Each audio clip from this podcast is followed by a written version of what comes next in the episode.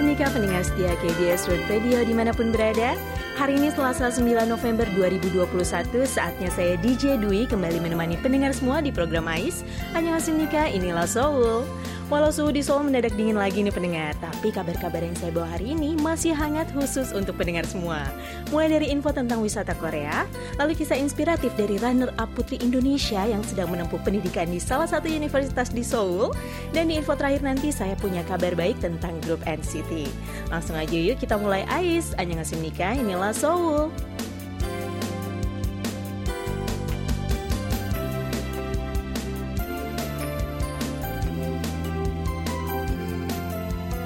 Masyarakat Korea kini tengah menjalani kehidupan new normal mereka di bawah skema Living with COVID-19.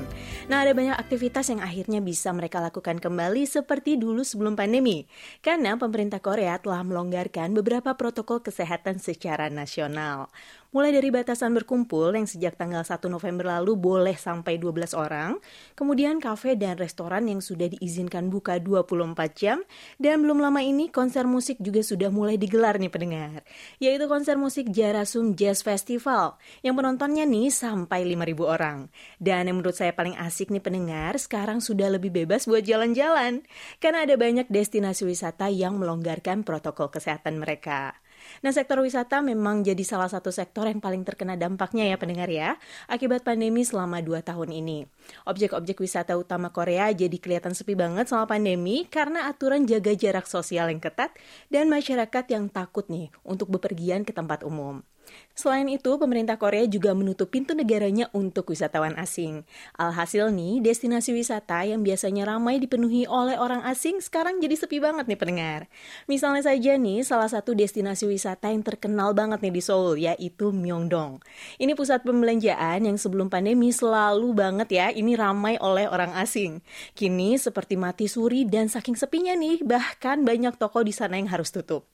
Tapi bulan November ini ada kabar baik nih untuk industri pariwisata Korea nih pendengar. Bersamaan dengan skema Living with COVID-19, pemerintah Korea juga mengeluarkan kebijakan untuk membantu menghidupkan kembali industri pariwisata di negaranya.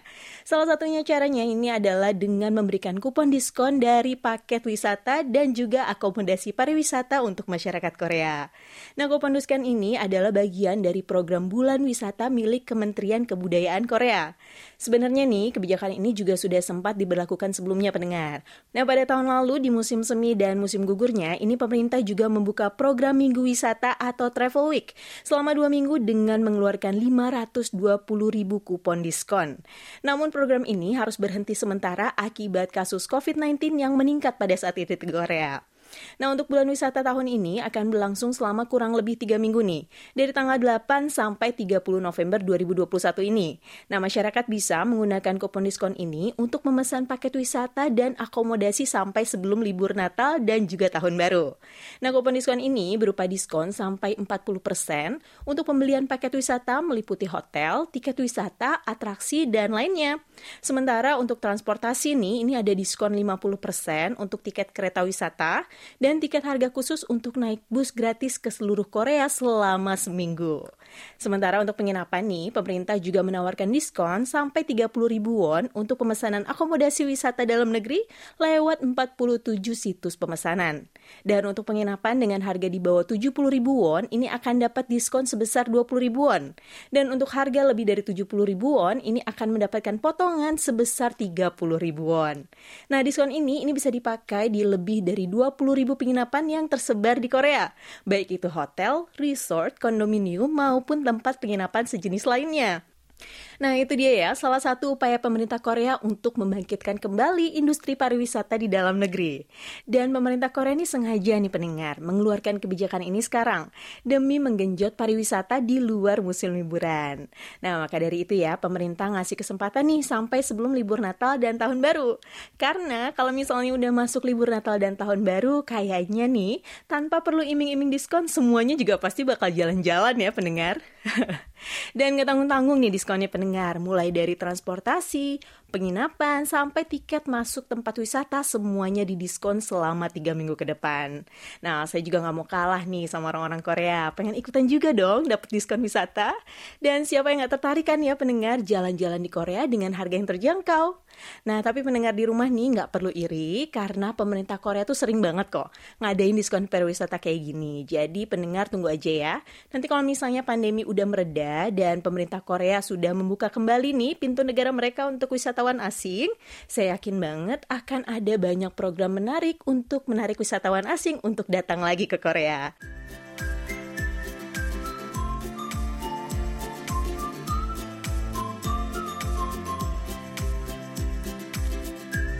Kembali lagi bersama saya DJ Dwi dan kita masih bakal ngomongin tentang wisata di Korea nih pendengar. Saya senang banget nih mendengar kalau misalnya ngebahas tentang wisata di Korea. Karena bisa jadi referensi jalan-jalan buat saya dan tentunya bisa jadi referensi juga buat pendengar di rumah. Nah kali ini saya punya kabar dari surganya pariwisata Korea. Pendengar pasti udah gak asing lagi kan sama tempat yang satu ini? Ya betul, ini Pulau Jeju pendengar. Nah, menyambut nih Travel Week atau Minggu Wisata Korea yang tadi udah kita bahas ya di info sebelumnya, ini Pulau Jeju telah bersiap menggelar kembali festival-festival untuk menarik wisatawan agar berkunjung kembali ke Pulau Jeju. Yang pertama nih ada festival tahunan Hanlim Park Chrysanthemum Festival ke-28 atau singkatnya ini adalah Festival Bunga Krisan pendengar. Nah, bunga-bunga krisan di Pulau Jeju ini dirawat dan dibudidayakan dengan baik sejak musim semi lalu. Di sini pengunjung bukan cuma bisa foto-foto aja ya saya pendengar, tapi bisa merasakan pengalaman membuat kerajinan tangan dari bunga. Ini seperti lilin, gantungan kunci, dan ada banyak juga program seru lainnya. Nah yang paling menarik nih pendengar, dan harus banget ya dicoba, ini adalah kuliner yang terbuat dari bunga krisan pendengar. Ada teh bunga krisan sampai kue. Ini bisa kita cicipi sambil menikmati pemandangan hamparan bunga krisan yang lagi mekar-mekarnya. Ini pasti cantik banget ya di sana. Dan yang kedua nih, kalau yang ini acaranya sebenarnya udah lewat si pendengar, yaitu Festival Film Prancis ke-12 yang diadakan dari tanggal 4 sampai 8 November lalu. Nah, di festival ini pengunjung bisa menikmati 20 film Prancis pilihan secara gratis di bioskop-bioskop di Jeju. Nah, ini lumayan juga ya pendengar ya, bisa nonton film gratis setelah sekian lama nih nggak nonton di bioskop. Nah kita lanjut lagi ke festival yang berikutnya. Ini ada festival tahunan Jeju yang jadi salah satu daya tarik utama Jeju, yaitu Jeju oleh Walking Festival ke-12. Nah festival ini sudah dimulai sejak tanggal 22 Oktober lalu sampai 16 November mendatang dengan menyediakan 23 rute jalan kaki dengan tema yang berbeda-beda. Nah selama berjalan kaki menyusuri rute-rute ini kita juga bisa menyaksikan langsung nih keindahan alam Jeju dan juga budaya lokal yang ada di jalan setapak dengan ber berbagai tema yang khas dan juga unik. Satu lagi nih dari Pulau Jeju yang nggak boleh dilewatin selama musim gugur menuju musim dingin ini, yaitu pink muhli atau rumput muhli pink yang ada di beberapa tempat nih di Jeju. Salah satunya yaitu ada di Gunung Halasan dan yang satu ini benar-benar jadi primadona banget nih di musim gugur di Korea pendengar. Bukan cuma di Jeju aja, di kota-kota lain di Korea juga banyak ya yang menggelar festival rumput muhliping ini.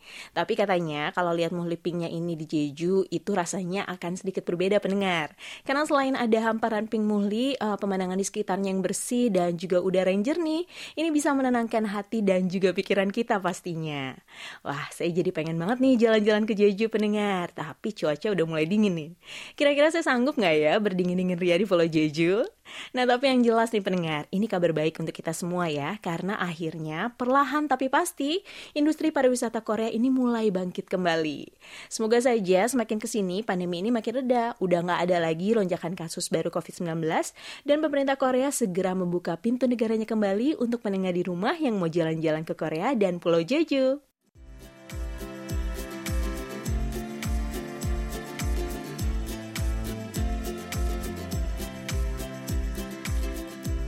Cantik, berbakat, berprestasi, pokoknya paket lengkap nih pendengar. Perempuan multitalenta yang satu ini asli asal Sumatera Barat, Indonesia, dan pada tahun 2019 lalu pernah dinobatkan menjadi runner-up tiga putri Indonesia. Nah, yang jadi pertanyaan adalah, di saat ia sedang berada di puncak karirnya, kenapa ia malah milih untuk melanjutkan kuliah di Korea ya? Hmm, siapakah dia? Pendengar bisa tebak nggak nih? Ya, dia adalah Anissa Fitriana atau yang lebih dikenal dengan Afid. Ini runner-up tiga putri Indonesia Indonesia tahun 2019. Nah, belum lama ini perempuan berusia 26 tahun ini jadi sorotan media online Korea karena ia memilih melanjutkan pendidikan di Korea di tengah karir gemilangnya sebagai seorang model, artis dan sebagai seorang staf khusus di Kementerian Pariwisata dan Ekonomi Kreatif Indonesia. Nah, Afid yang merupakan lulusan dari jurusan Ilmu Komunikasi Universitas Indonesia, kini tengah melanjutkan kuliahnya di program MBA Seoul National University Graduate School of Business. Wah, teman kampus saya nih pendengar ya.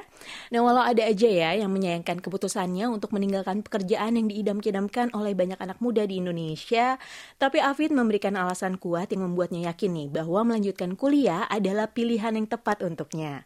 Dalam sebuah wawancara, Afid mengatakan kalau kegiatan modelingnya selama ini hanya sekedar hobi saja, dan aktivitasnya sebagai model ia lakukan di tengah-tengah kesibukan utamanya. Afid adalah orang yang selalu bekerja keras dan juga fokus nih untuk meraih sesuatu yang ia inginkan. Buktinya nih, setelah lulus kuliah dan bekerja, ia tidak pernah cuti liburan nih pendengar. Walaupun sibuk dengan pekerjaan utamanya sebagai staf di pemerintahan, ia membuktikan kalau ia tetap bisa melanjutkan hobinya di dunia modeling dan meraih runner-up 3 Putri Indonesia di tahun 2019. Nah, karena selama di Indonesia, Afid belum sempat liburan nih setelah lulus kuliah, akhirnya ia pun memanfaatkan masa-masa belajar bahasa Korea satu tahunnya untuk liburan dan juga jalan-jalan di Korea. Nah, walau ia lebih dikenal sebagai putri Indonesia, tapi impian seorang Afid sebenarnya adalah menjadi seorang pengusaha pendengar, khususnya nih di bidang ekonomi kreatif.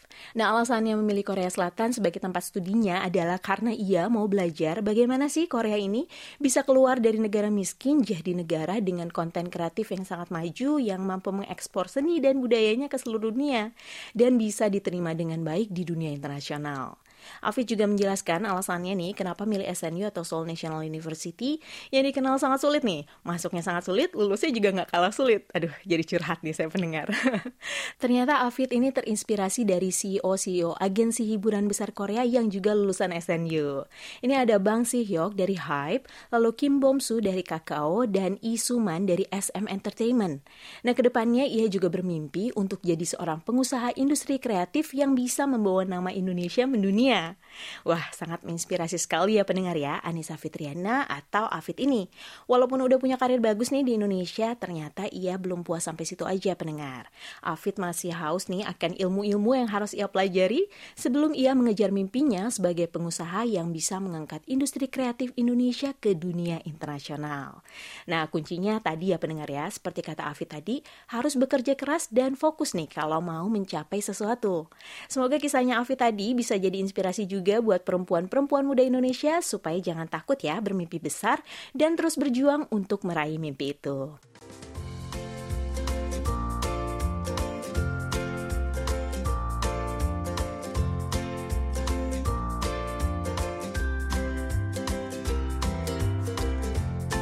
Barusan kita udah dibuang ngedance nih sama lagunya Secret Number, sekarang saatnya kita kembali lagi ngomongin hal-hal menarik dari Korea. Nah udah bukan rahasia lagi ya pendengar kalau konten-konten kreatif Korea belakangan ini makin diterima di kancah internasional. Seperti kata Afid di info sebelumnya tadi, salah satu alasan ia melanjutkan studi di Korea Selatan adalah karena industri konten kreatifnya yang maju dan juga mendunia. Nah pendengar mungkin penasaran juga ya, apa sih yang membuat konten kreatif Korea begitu dicintai dan mudah diterima di mancanegara? Nah, topik ini sempat dibahas di sebuah artikel di New York Times pendengar. Nah, langsung aja deh ya, saya bacain kesimpulan dari artikel itu. Jadi menurut artikel itu, dalam tiap kontennya, Korea ini selalu menambahkan karakteristik budaya lokal yang jadi ciri khas utamanya. Nah, kesuksesan konten kreatif Korea di mancanegara juga nggak didapatkan dengan mudah pendengar.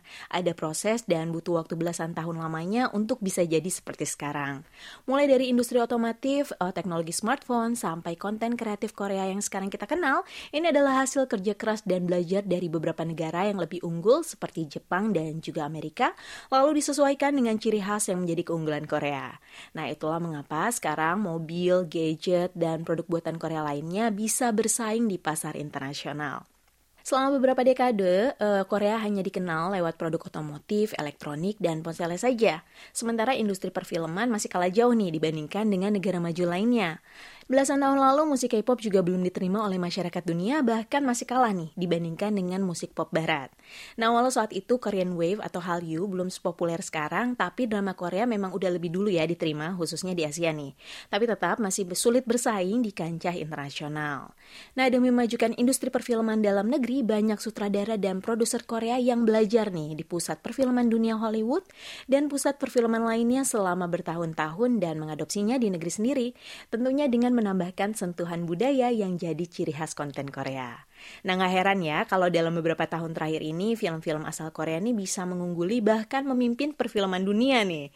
Pendengar masih ingat kan ya dengan film Parasite? Ya bisa dikatakan kalau Parasite ini adalah salah satu film layar lebar terbaiknya Korea yang sukses di mancanegara. Buktinya nih Parasite ini bisa jadi film berbahasa asing pertama yang memenangkan kategori film terbaik di ajang Academy Awards. Kemudian yang belum lama ini menguncang dunia yaitu Squid Game, yaitu serial asal Korea ini, ini bisa mengalahkan film-film garapan barat di platform Netflix. Dan belum lama ini, tiga dari 10 acara TV paling populer di Netflix ini berasal dari Korea pendengar. Belum lagi dengan musik K-popnya nih, boy group asal Korea BTS, kita uh, udah kenal lah ya, ini sudah mendunia nih pendengar. Bahkan ada yang mengatakan kalau popularitasnya sama seperti band legendaris The Beatles pada masanya. Kerennya lagi nih, BTS juga punya basis penggemar yang besar, kuat, dan tersebar nih di seluruh dunia. Bukan cuma sekedar boy group, BTS juga punya pengaruh besar di dunia. Contohnya nih ya, terbukti di bulan September lalu, Kamus Bahasa Inggris The Oxford ini telah menambahkan 26 kata dalam bahasa Korea termasuk Hallyu dan juga Korean Wave. Nah sebenarnya perjalanan industri kreatif Korea untuk bisa sukses sekarang ini bukan uh, tidak mudah ya pendengar ya. Perlu waktu belasan tahun dan produser juga sutradara Korea sampai harus mempelajari nih banyak industri perfilman dunia. Tapi memang yang bikin konten Korea unik dan juga berkesan adalah karena mereka selalu menyisipkan tradisi dan budaya lokal di dalamnya.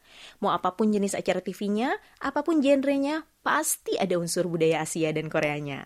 Saya rasa ini juga yang membuat film-film Korea ini bisa melekat di hati para penontonnya. Nah, bukan cuma sekedar konten film, drama, atau musik K-pop, tapi juga sekaligus mempromosikan budaya lokal yang jadi pembeda antara konten Korea dan konten asal negara lainnya.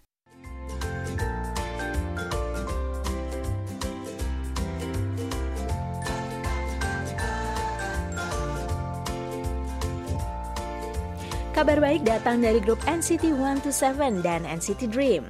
Penjualan album terbaru dari kedua subunit NCT ini berhasil tembus sampai 3 juta keping. Nah, kabar baik ini disampaikan langsung oleh pihak agensi di akun Twitter resmi at NCT SM Town bahwa album kedua grup yang ada di bawah SM Entertainment ini masing-masing berhasil terjual sampai lebih dari 3 juta keping.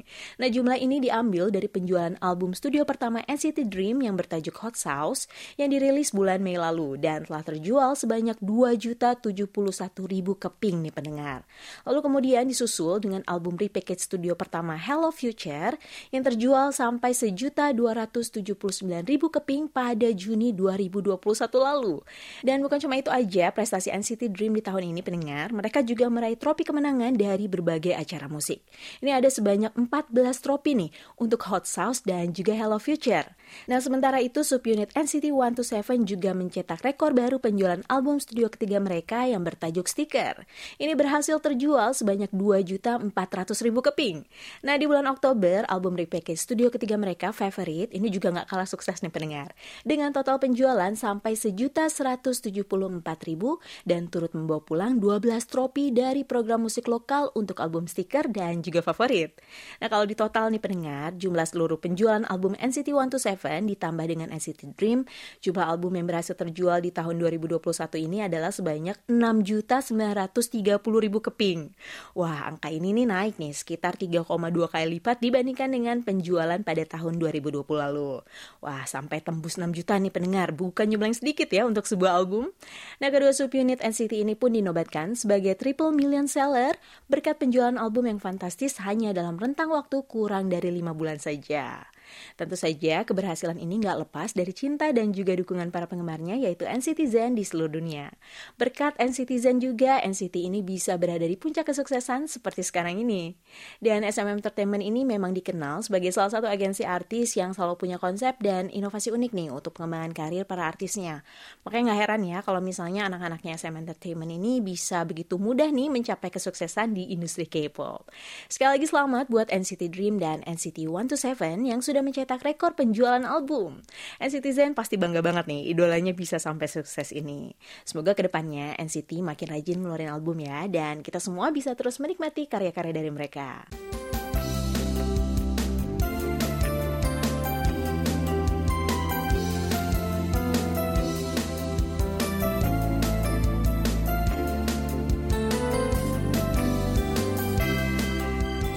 Senang sekali hari ini saya sudah berbagi kabar-kabar baik dari Korea untuk pendengar semua di rumah.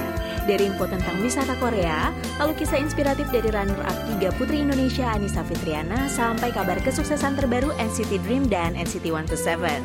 Sekarang saatnya saya pamit undur diri, sampai ketemu lagi di lain kesempatan. Saya DJ Dwi undur diri, Neildo Hamgeheo.